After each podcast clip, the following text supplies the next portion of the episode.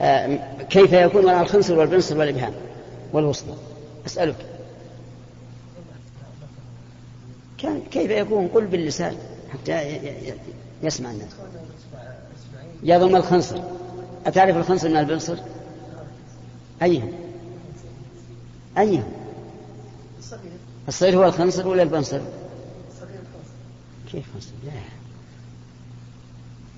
ألبى قبل الخاء.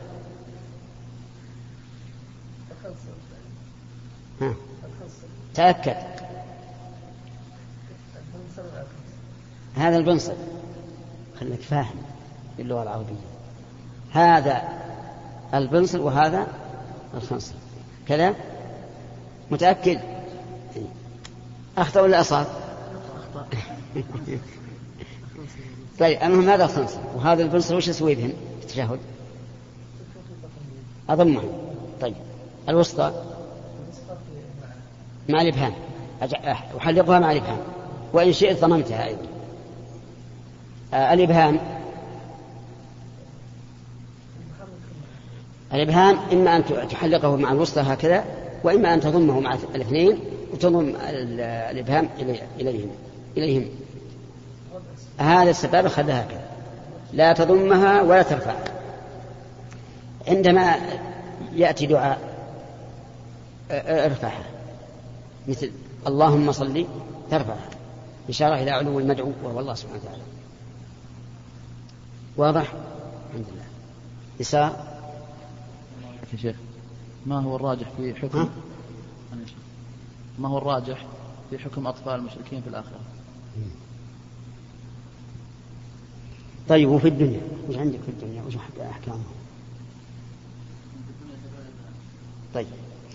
أطفال المشركين الذين لم يميزوا. حكم في الدنيا حكم آبائهم إذا كانوا مشركين. بمعنى أننا لا نغسلهم ولا نكفنهم ولا نصلي عليهم ولا ندفنهم مع المسلمين. فإن كان أحد أبوي الطفل مسلما فهو إيش؟ فهو مسلم. فهو مسلم. وأما في الآخرة فالصحيح أن علمهم عند الله وأن الله عز وجل يمتحنهم يوم القيامة بما شاء فمن أطاع دخل الجنة ومن عصى دخل النار. أعطيكم فائدة. بالنسبة الطفل بالنسبة لأبويه يتبع؟ لا. بالنسبة لأبويه في الدين يتبع خيرهما إن كان الأم مسلمة فهو مسلم إن كان الأب مسلم فهو مسلم. في النسب يتبع الأب. ادعوهم لآبائهم. في الحرية والرق يتبع أمه. يعني لو تزوج الحر أمة فأولاده أرقاء مملوكين لمالك الأم. طيب في الطهارة والنجاسة والحل والحرمة يتبع أخبثهما. فلو نزع الحمار على فرس أنثى الخيل وأتت بولد فالولد نجس حرام.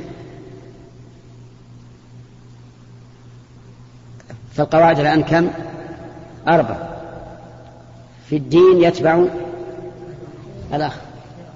طيب وفي النسب يتبع الأخ الأب.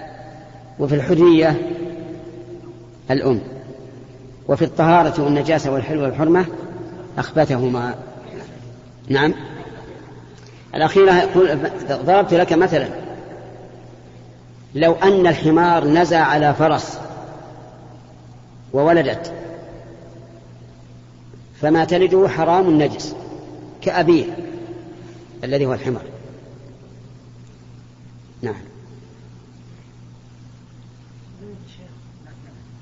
ها؟ لا هنا يمين. بعض التجار يشتري سلعة من صاحب مصنع يتفقان عليها حسب النموذج. ثم هل هذا البيع يعتبر سلم؟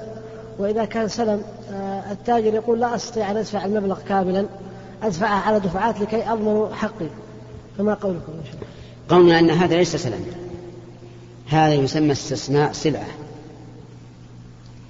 فيجوز أن يتفق مع صاحب المصنع من نجار أو حداد أو غيره على شيء معين موصوف مضبوط بالصفة ولا يسلمه إلا بعد إنجازه. سواء الثمن كله أو بعضه. نعم. أحسن الله عليك يا شيخ. ما حكم حلق الشعر الذي يخرج في الرقبة؟ إيش؟ حكم حلق الشعر الذي يخرج في الرقبة؟ لا بأس به. آه، الشعور ثلاثة أقسام قسم أمر به بإزالته. وقسم نهي عن إزالته وقسم سكت عنه.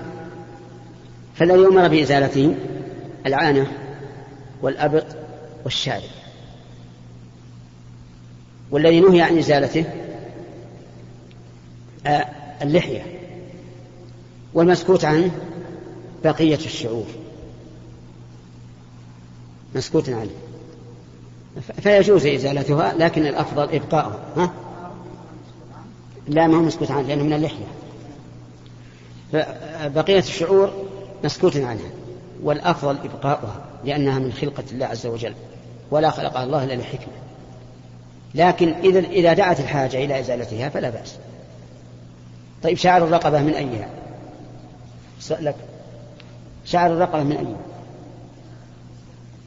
من المأمور بإزالتها ومنها عن إزالتها المسكوت عنه بارك الله طيب. نعم. يا شيخ أحسن الله عليك ما قول فضيلتكم, فضيلتكم في جماعة التبليغ والخروج معهم؟ من هم جماعة التبليغ؟ يقول ما الخروج مع جماعة التبليغ ما رأيك فيهم وما الخروج معهم. وش من جماعة التبليغ؟ التبليغ. أهل الدعوة ها؟ أهل الدعوة كلنا أهل دعوة أنا أنا إن شاء الله صاحب دعوة.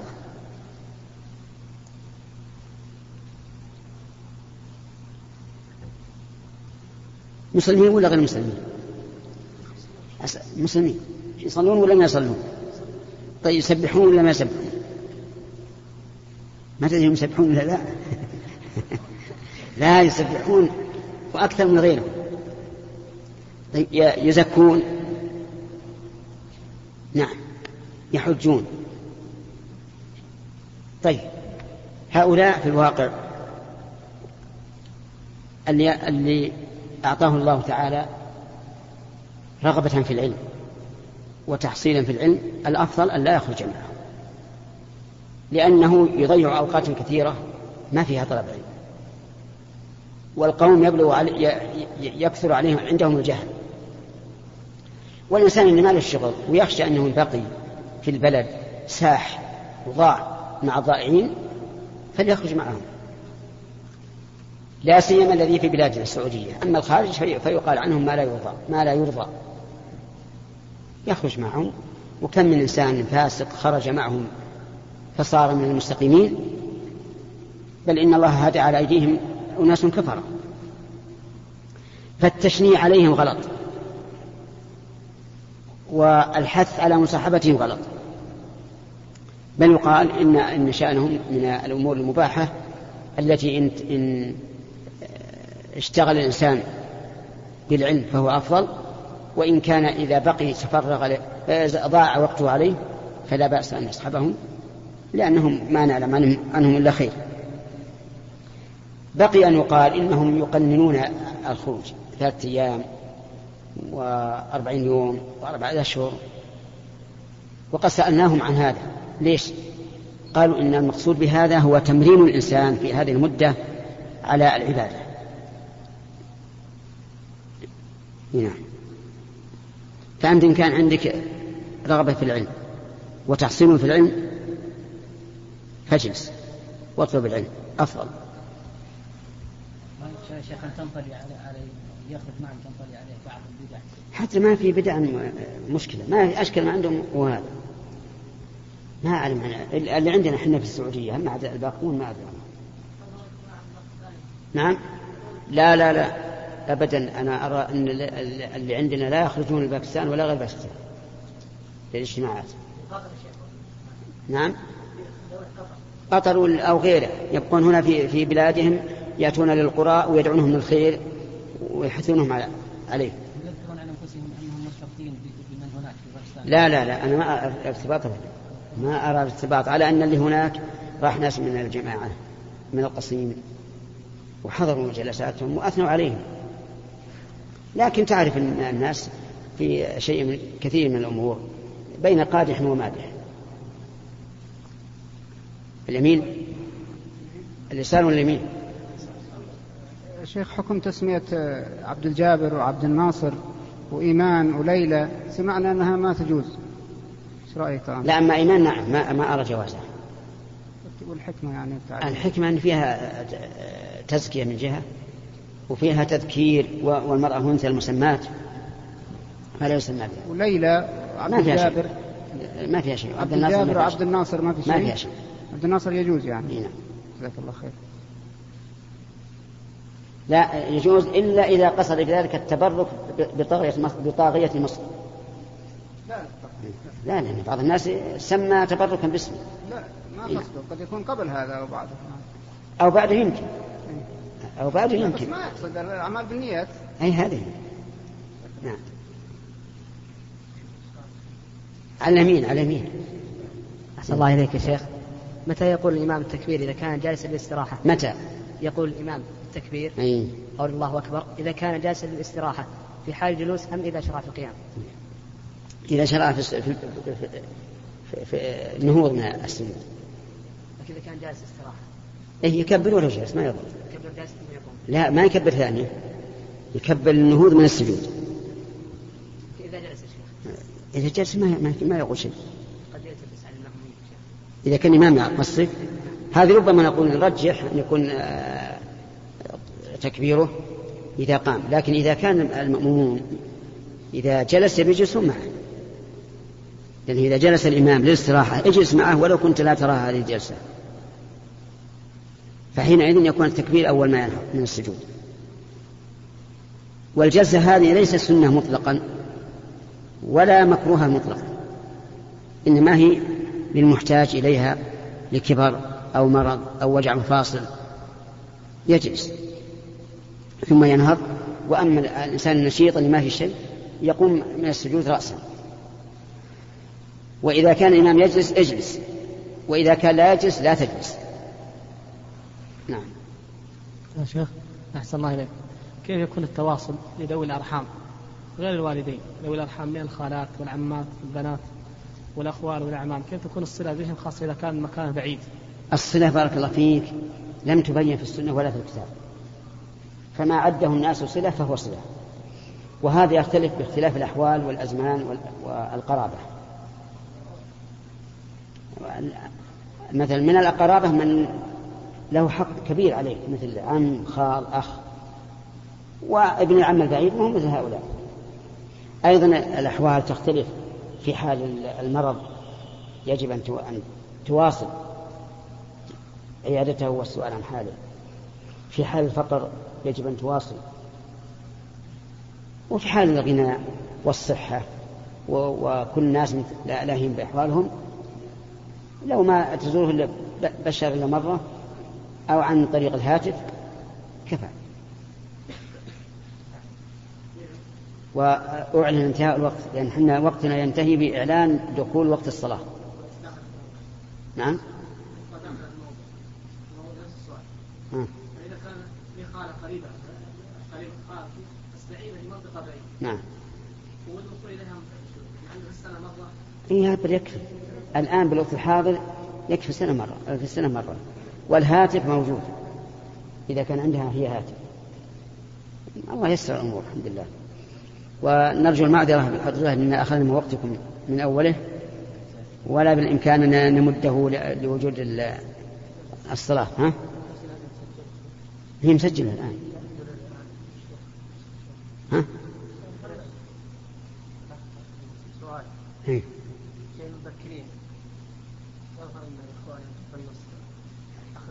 ها؟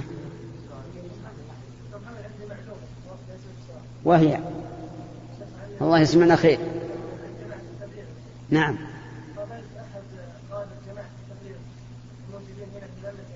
نعم.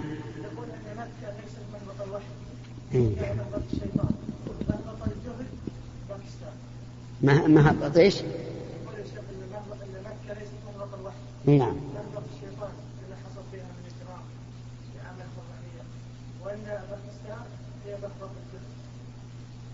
ما ما إيش؟ الجهد. أي يمكن باكستاني الظاهر. سعودي؟ لا هذا جاهل جاهل. هذا جاهل. علم جزاك الله خير؟ قل أول ما نزل الوحي على رسول الله وين أين هو؟ اسأله الحمد لله وقامت عليه الحجة. قامت عليه الحجة. أقول إذا بلغته الحجة قامت عليه وأمره إلى الله. لكن لا يحكم على الجماعة بحكم الفرد. إيه ولو قادهم ما يطعمه بهذا. أبدا لا تفكر بيد أحد. وحنا شاهدنا تأثيرهم شيء عجيب. وإيثارهم حسن أخلاقهم. صحيح أنهم عندهم جهل. يجب على على طلبة العلم يوجهونهم.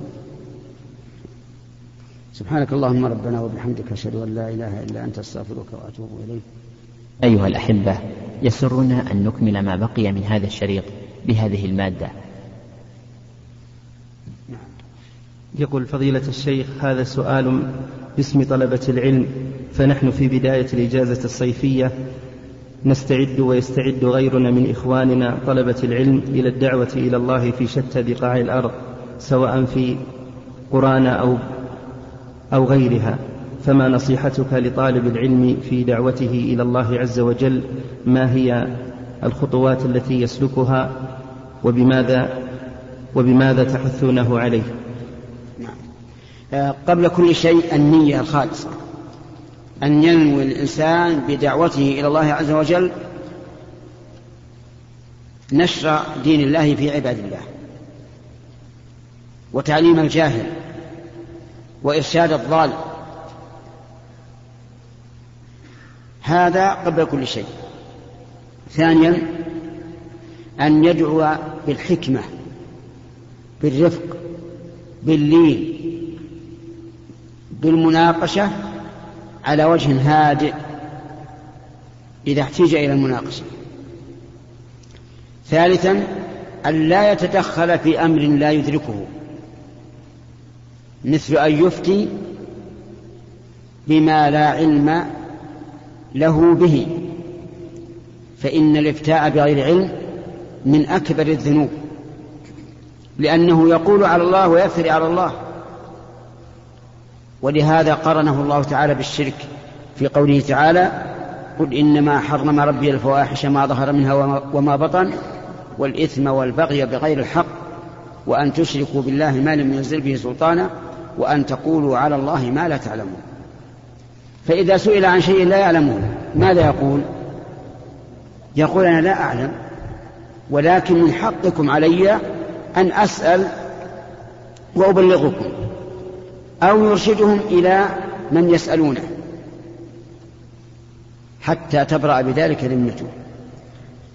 ولكن مع ذلك أقول إذا كان يقوم بالدعوة غيره واستفادته من طلب العلم أكثر من استفادته في في المواعظ والدعوة إلى الله فليستمر في طلب العلم حتى ينضج. وليوازن بين الفوائد فائدة هذا وهذا. قل فضيلة الشيخ لي أعمال كثيرة أبحث فيها عن الرزق وهي تشغلني عن طلب العلم النافع. سائل. سائل؟ نعم. يقول لي أعمال كثيرة. لي أعمال كثيرة.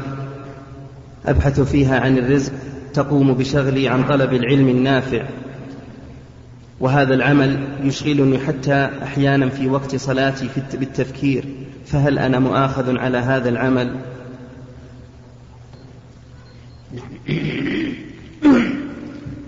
أما بالنسبة لشغل العمل عن طلب العلم فلا حرج. لأن طلب العلم فرض كفاية إذا قام به من يكفي سقط عن الآخرين. وأما إشغاله عن الصلاة فاستمع إلى قول الله تعالى يا أيها الذين آمنوا لا تلهكم أموالكم ولا أولادكم عن ذكر الله ومن يفعل ذلك فأولئك هم الخاسرون. فلا تخسر. حاول أن تحضر قلبك كما أحضرت جسمك للصلاة. وأن لا تنشغل بما سواه وعود نفسك على هذا حتى تجد لذة الصلاة. وحتى تكون صلاتك ناهية لك عن الفحشاء والمنكر. نعم. أيها الإخوة إلى هنا ينتهي تسجيل هذا اللقاء الأسبوعي المسمى بلقاء الباب المفتوح مع فضيلة الشيخ محمد بن صالح العثيمين حفظه الله في منزله في عنيزة. نسأل الله أن يجزيه خير الجزاء. وأن ينفع بعلمه الجميع. وتقبلوا من إخوانكم في مؤسسة الاستقامة الإسلامية للإنتاج والتوزيع في عنيزة أطيب التحايا والاستقامة ترحب بتواصلكم معها على العنوان التالي السعودية عنيزة رقم الهاتف صفر ستة ثلاثة ستة أربعة خمسة ثمانية ثمانية صفر صفر ستة ثلاثة ستة أربعة ثمانية ثمانية ثمانية صفر. ورقم الناسوخ صفر ستة ثلاثة ستة خمسة ثلاثة ثلاثة